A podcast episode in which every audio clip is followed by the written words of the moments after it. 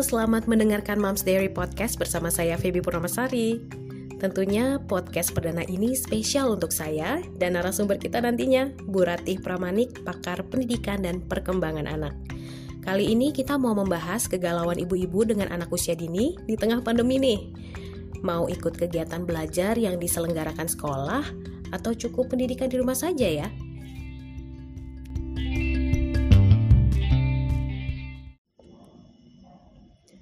Soalnya nih, berdasarkan siaran pers Kementerian Pendidikan dan Kebudayaan 28 Mei lalu, proses pelaksanaan penerimaan peserta didik baru tahun 2020 akan segera dimulai.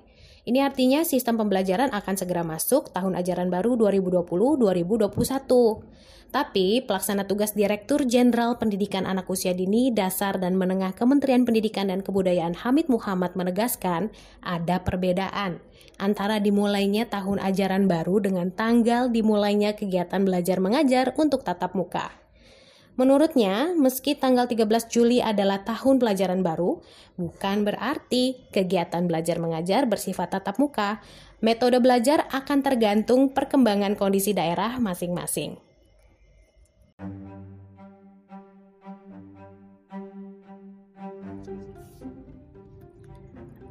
Lebih jauh lagi seperti dikutip oleh kompas.com, Kemendikbud menjelaskan pemerintah daerah bisa membuka kegiatan belajar mengajar di sekolah di tengah wabah pandemi COVID-19. Persyaratan mutlaknya, daerah berstatus zona hijau saja yang dapat memperlakukannya. Sementara sekolah-sekolah yang berada di zona merah dan kuning akan tetap melakukan pembelajaran jarak jauh atau belajar dari rumah.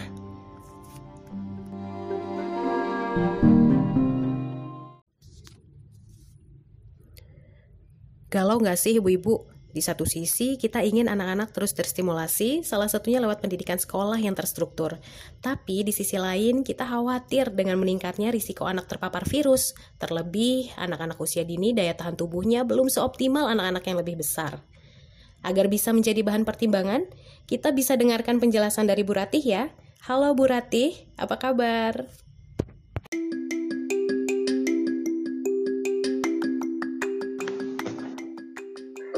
Hai hai, halo Mbak Feby, kabar saya baik dan semoga kita semua dalam keadaan baik.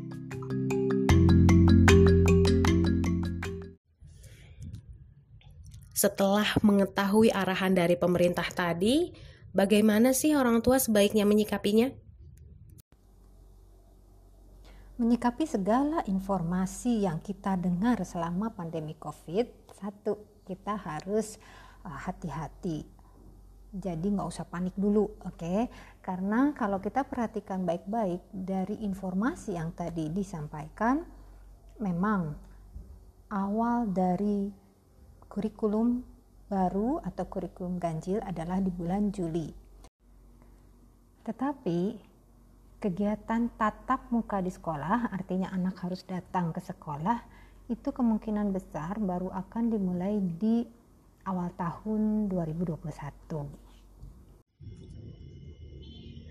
Lalu, apa saja sih opsi pendidikan yang tersedia untuk anak usia dini bila kehidupan normal baru atau new normal sudah berlangsung?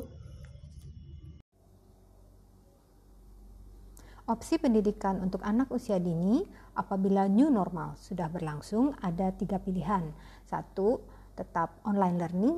Yang kedua, homeschooling. Dan yang ketiga, home education.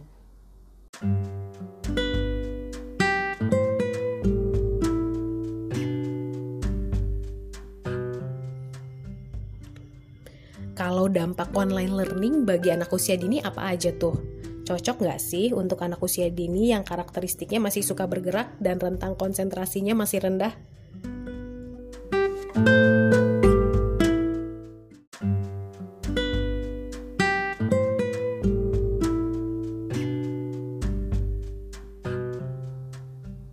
Online learning bagi anak usia dini tantangannya jauh lebih besar daripada anak-anak yang lebih besar apalagi uh, di anak usia dini ini mereka sangat perlu bergerak. Makanya mereka nggak mau diem. Kenapa mereka maunya bergerak? Kayaknya nggak capek-capek gitu ya. Itu disebabkan karena kebutuhan mereka adalah untuk memperkuat otot-ototnya baik itu otot kaki, otot tangan juga termasuk rangkanya. Jadi mereka kan harus berdiri tegak kemudian juga koordinasi antara otaknya, panca inderanya dan juga alat geraknya. Karena itu mereka susah disuruh duduk diam, apalagi kalau materi yang diberikan di online learning ini kurang interaktif atau lebih satu arah gitu ya. Jadi anak-anak bosan. Jadi kalau kita mau bikin online learning untuk anak-anak usia dini, kita harus sekreatif mungkin memper, mempersiapkan materi agar anak-anak ini bisa ikut aktif. Karena itu aktivitas seperti gerak dan lagu itu akan lebih uh, menyenangkan untuk anak. Kemudian misalnya kalau kita mau memperkenalkan konsep-konsep kata benda gitu ya kita harus menunjukkan gambar kata bendanya lalu kita harus meminta anak untuk ayo tunjuk yang mana misalnya nih kita mau ngenalin meja kita siapkan dua gambar misalnya meja dengan lemari atau meja dengan gambar rumah gitu ya yang yang betul-betul berbeda gitu lalu kita tunjukkan setelah kita memperkenalkan ini meja gitu ya kemudian nanti di sesi selanjutnya kita perlihatkan dua gambar tadi, meja dan rumah. Lalu minta anak-anak ini menunjuk di layar eh, apa namanya? layar laptopnya atau layar handphonenya yang mana meja gitu ya. Nah, guru juga harus sangat eh, teliti karena kalau kita kita harus bisa lihat nih berarti kan yang nunjuk ke kiri itu yang benar yang nunjuk ke kanan itu misalnya yang salah gitu ya dan itu memang tantangan yang luar biasa bagi guru.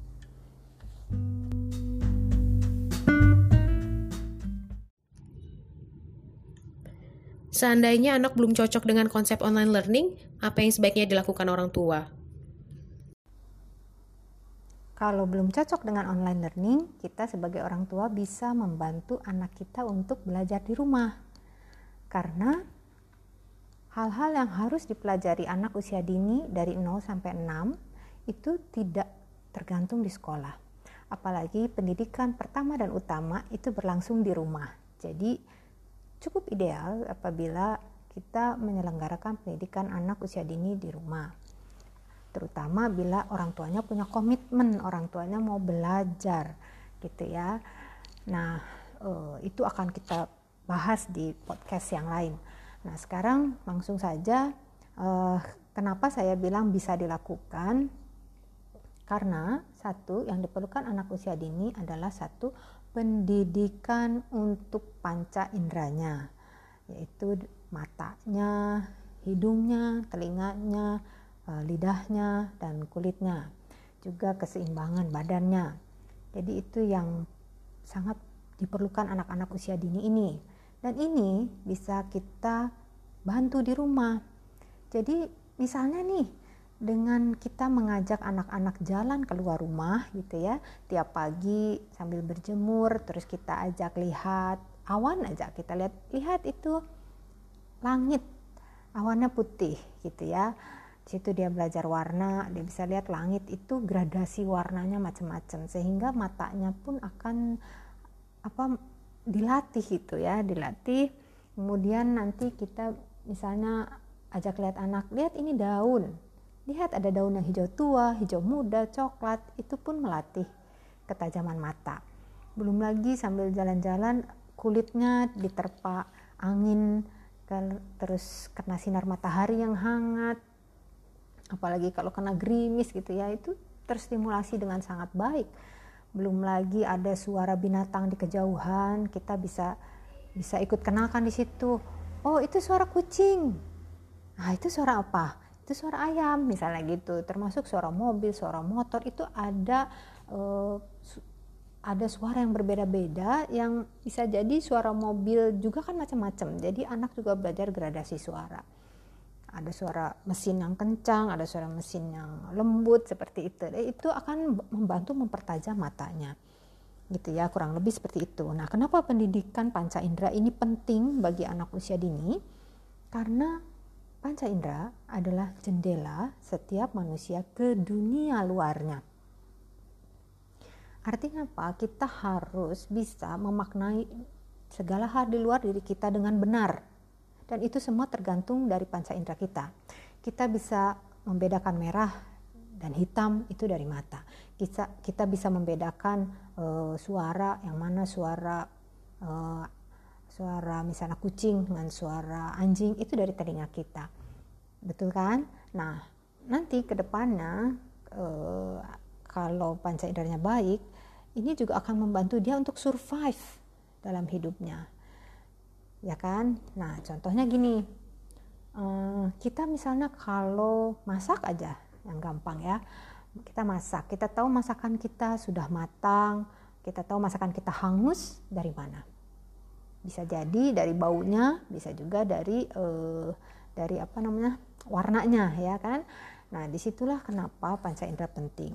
Nanti lagi ke depannya misalnya saat anak kita sudah harus bekerja mencari uang, kalau dia memilih uh, pekerjaan itu sebagai misalnya uh, arsitek dia perlu punya mata yang tajam untuk melihat apakah uh, tiang atau dinding yang dibuat itu miring atau enggak gitu ya setajam itu. Bahkan misalnya menjadi uh, apa ahli furniture yang membuat misalnya um, kitchen set atau apa uh, lemari di dapur dia kan harus bisa tahu masang pintu lemarinya lurus enggak seperti itu kan rapi enggak itu sangat tergantung dari panca indera. Dan semakin panca indera ini baik dan dilatih maka hmm, anak ini akan uh, apa kecerdasannya pun akan lebih baik karena dia bisa memaknai dunianya dengan benar. Kemudian yang kedua yang juga diperlukan anak usia dini adalah koordinasi alat gerak. Tadi sudah sempat disinggung. Jadi anak-anak ini memang perlu sekali bergerak supaya otaknya menjadi pusat pengaturan dari segala tingkah laku yang dia lakukan. Ya um, kita mau bekerja melakukan sesuatu kita akan dituntun oleh otak kita. Misalnya mengetik saja, kita mau mengetik kata halo, kita mau mengetik kata selamat pagi, itu kan yang menuntun otak. Misalkan di apa laptop, otak kita meminta jari-jari kita mengetik huruf S, E, L, A, M, A, T, selamat gitu ya. Itu harus e, di atas kontrol otak. Demikian juga hmm, segala hal yang kita lakukan di dunia termasuk misalnya saat kita mengendarai mobil kita akan berhenti di depan lampu merah.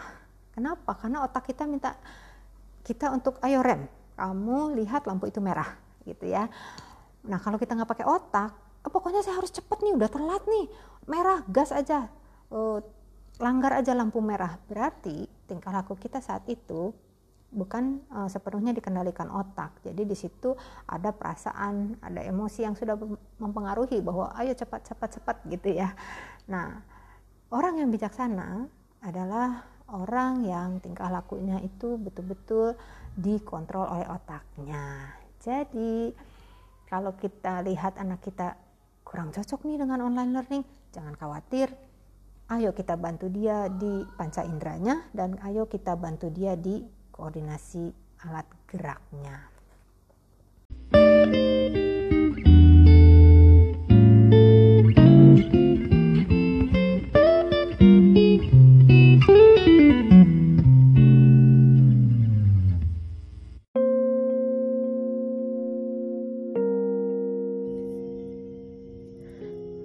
Tugas-tugas nih, bagaimana jika ternyata anak malas mengerjakan PR dari sekolahnya?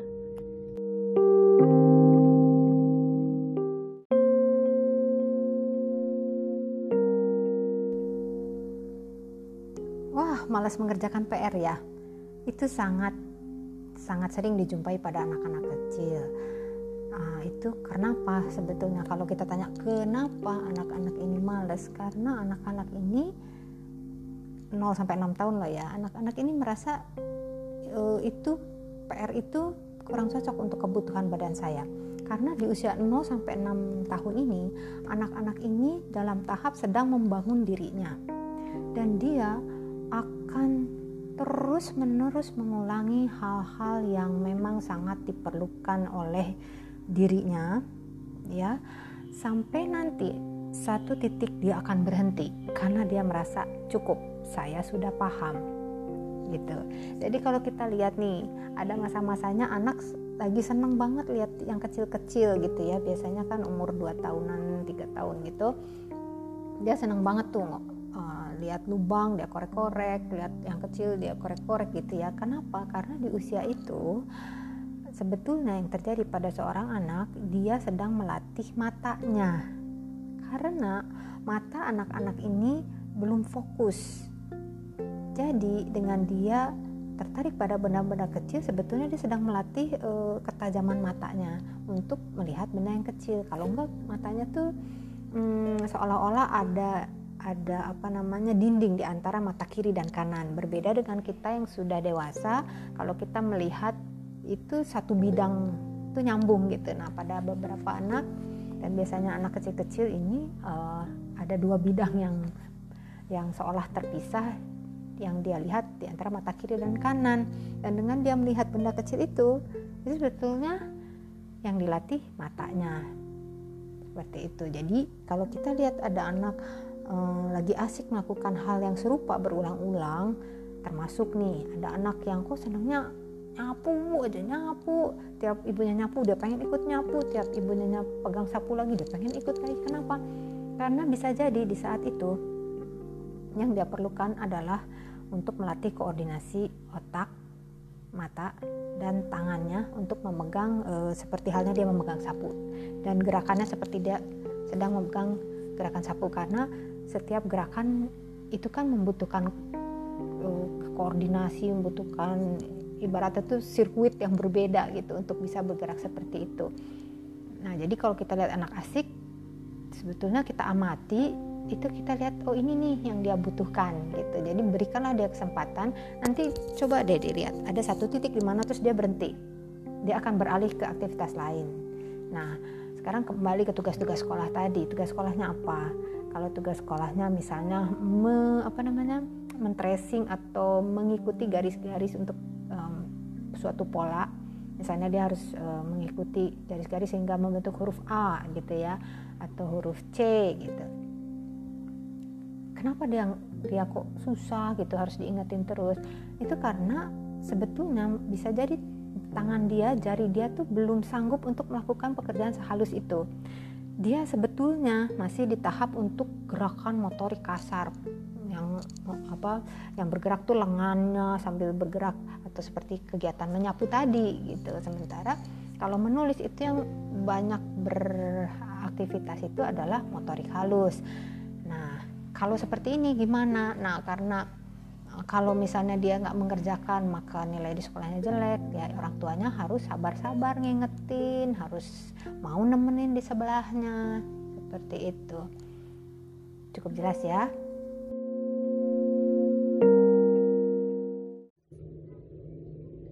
Jika orang tua memilih kembali bersekolah, hal-hal apa saja sih yang harus diperhatikan kita agar kegiatan belajar mengajar anak tetap aman?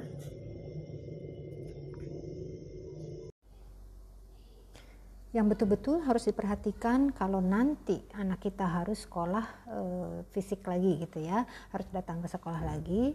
Pertama adalah anak kita sendiri. Apakah dia punya daya tahan tubuh yang kuat? Beberapa anak lebih mudah sakit dibanding anak yang lain.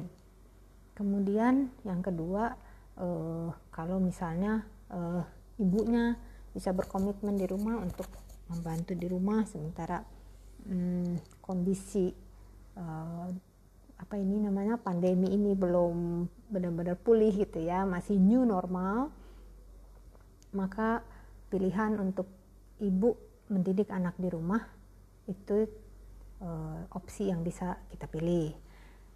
Tapi kalau betul-betul kita akan uh, mengembalikan anak kita ke sekolah fisik kita nilai daya tahan tubuh anak saya kuat kok gitu dan dia anaknya nurut nih mau pakai masker terus Nah, yang diperhatikan di sekolahnya gimana? Apakah sekolah bisa bisa menerapkan protokol kesehatan uh, sesuai uh, apa namanya? sesuai ketentuan uh, Covid ini dengan benar-benar disiplin? Apakah SDM atau guru-gurunya itu akan menerapkan protokol ini dengan disiplin?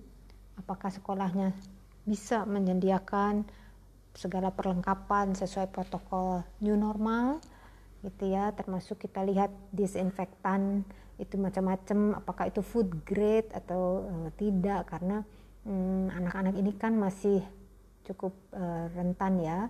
Jadi kalau kulitnya kena disinfektan yang tidak food grade dia akan misalnya alergi atau apa. Jadi coba diperhatikan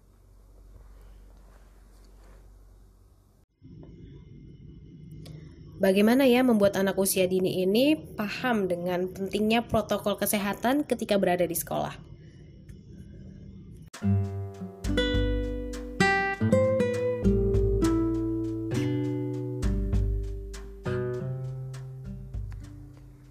Menjawab pertanyaan ini, bagaimana supaya anak-anak betul paham dengan protokol kesehatan? Ini agak sulit karena anak usia dini 0 sampai 6 itu fungsi dari otak sebagai pusat kontrolnya. Belum belum uh, berjalan dengan baik ya. Uh, tingkah laku mereka lebih didorong um, dengan keinginan atau rasa ingin tahu tentang dunia sekitar. Kemudian didorong pula oleh kebutuhan badannya untuk uh, banyak bergerak gitu ya Kenapa begitu? Karena uh, otaknya belum nyambung tadi gitu dengan segala anggota geraknya. Otaknya belum menjadi pusat kontrol bagi segala aktivitas yang dia lakukan. Logikanya belum jalan dengan baik. Itu karena karena itu tadi di awal sudah saya sebutkan bahwa pendidikan untuk anak usia dini ini hmm, yang penting adalah salah satunya koordinasi tadi supaya si otaknya ini tuh nyambung sama badannya sama alat geraknya. Sehingga nanti ke depannya segala hal yang dilakukan anak ini adalah atas dasar pemikiran otaknya karena otaknya berfungsi penuh. Kalau dari kecil tidak dilatih nanti segala tingkah lakunya itu kurang di dipengaruhi oleh pemikirannya gitu ya nah jadi kalau tentang protokol kesehatan ini makanya saya sebutkan perhatikan gurunya, SDM-nya, siap tidak? Bisa nggak gurunya begitu telitinya untuk menjaga jarak antar tiap anak, untuk uh, apa namanya mengajak anak cuci tangan kalau sudah pegang benda-benda yang sudah dipegang temannya seperti itu. Jadi kembali faktor keamanannya ini lebih ada di tangan guru atau orang dewasa yang ada di situ. Ini untuk anak usia dini.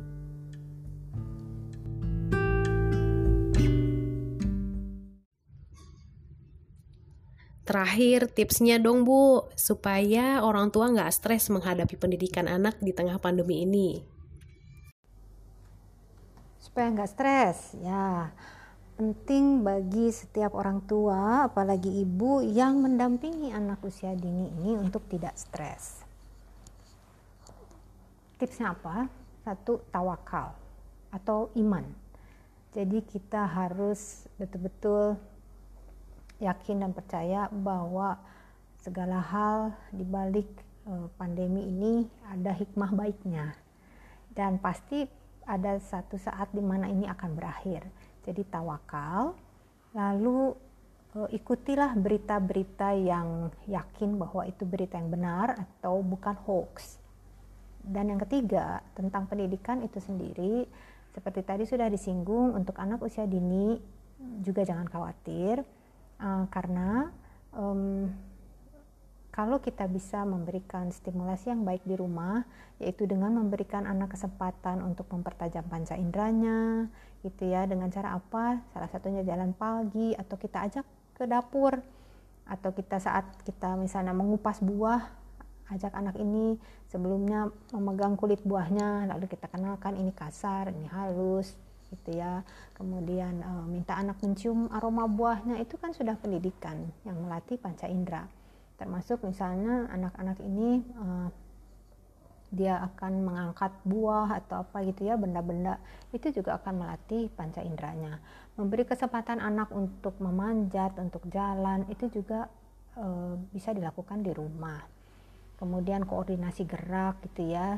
Jadi e, ketika kita tidak mengekang anak untuk terus menerus apa namanya duduk rapi gitu ya uh, dengan memberi kesempatan pada anak untuk berjalan kaki, untuk uh, makan sendiri, untuk bantu melakukan kegiatan di rumah tangga seperti menyapu, membereskan tempat tidur, hal-hal sederhana yang bisa kita contohkan, bisa kita ajak anak gitu ya, itu sudah merupakan pendidikan yang justru sebetulnya dibutuhkan oleh anak-anak di rumah. Nah, kenapa ini sangat dibutuhkan pada anak-anak di rumah? Nanti kita akan bahas di episode uh, Moms Diary berikutnya karena ini akan panjang sekali ceritanya. Jadi ikuti teruslah podcast Moms Diary. Ya, kemudian pendidikan anak di usia TK ini juga hmm, hmm, kita tidak perlu terlalu was-was. Jadi kalau misalkan nanti kita akan mendaftarkan anak kita di SD, dari sekarang kita bisa tanya SD-nya apa syarat pendaftaran di sekolah kamu, gitu ya. Karena beberapa SD tidak mensyaratkan uh, adanya hmm, apa itu namanya raport dari TK, no raport ijazah dari TK. Jadi uh, beberapa SD um, lebih melihat anak ini dari observasi, wawancara, atau bahkan psikotes gitu ya. Nah, untuk nanti bisa memenuhi syarat-syarat wawancara, psikotes apa, kita juga akan bahas di podcast berikutnya. So stay tune dan ayo kita kembali ke Mbak Feby.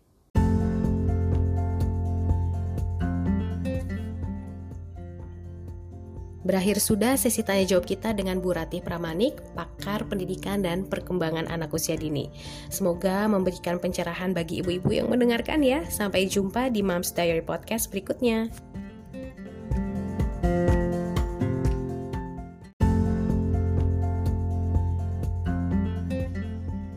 Untuk tahu podcast terbaru dari Moms Diary, follow at saya Kamardika Abiasa dan Some Story ya.